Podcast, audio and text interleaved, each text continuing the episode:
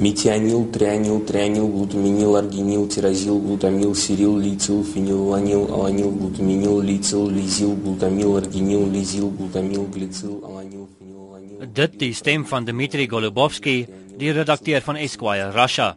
Die woord wat hy lees is die volle naam van die grootste proteïene wat natuurlik voorkom, soos deur die internasionale Unie van Suiwer en Toegepaste Chemie voorgeskryf is. In sy eenvoudige vorm noem wetenskaplikes dit titin, 'n baie belangrike proteïen wat toelaat dat jou spiere passief kan rek. Taalkundiges debatteer egter nog of dit as 'n woord beskou kan word, omdat dit 'n tegniese term is en nie in die woordeboek verskyn nie. Die langste erkende woord in die Engelse taal, volgens die Merriam-Webster Woordeboek, is pneumono ultramicroscopic silicovolcanoconiosis. Die woord van 45 letters beskryf 'n tipe longsiekte. Die hoofredakteur van die Woordeboek van die Afrikaanse taal, Dr Willem Botha, stem saam met taalkundiges wat aanvoer dat die woord nie amptelik as sulks beskou kan word nie. Wel, die eerste kwalifikasie vir 'n woord is dat hy moet gevestig wees in die taal en hy moet elke dag gebruik word. So hy moet in hy moet leef in die monde van die sprekers. As hy nie leef in die monde van die sprekers nie, kan jy dit nie as 'n woord beskou nie. As dit 'n vakkundige term is, dan moet dit ten minste in gebruik wees gereeld tussen vakkundiges op daardie gebied.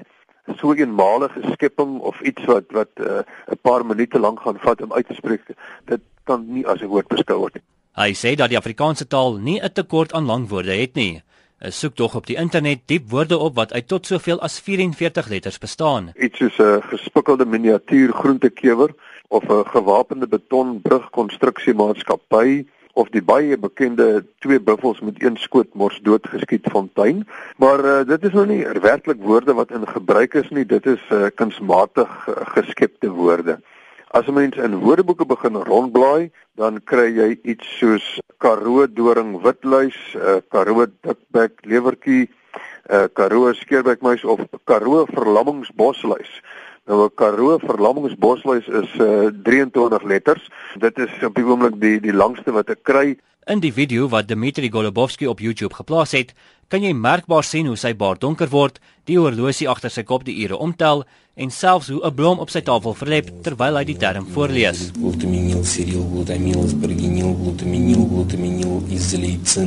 Ek is Justin Kennerly in Johannesburg.